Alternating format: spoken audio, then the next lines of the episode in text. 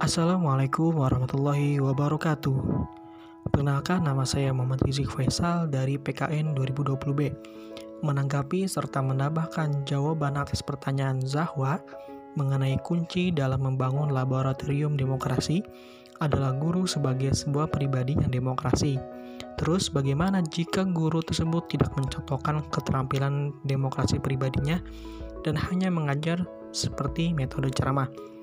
Apakah hal ini akan menghambat proses pembelajaran? Menurut saya, tentu hal ini akan menghambat proses pembelajaran. Mengenai hal ini memang secara tidak langsung akan menghambat proses tujuan pembelajaran itu sendiri.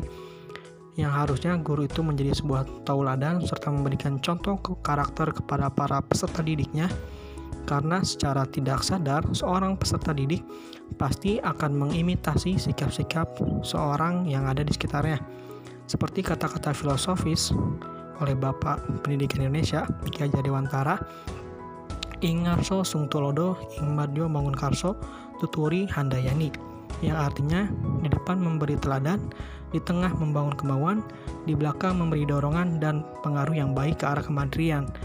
Filosofis inilah yang menjadi dasar atau menggambarkan bahwa seseorang guru atau tenaga pendidik haruslah menjadi contoh yang baik bagi para peserta didiknya. Nah, inilah pendapat dari saya dan tambahannya. Sekian kurang lebihnya mohon maaf. Wassalamualaikum warahmatullahi wabarakatuh.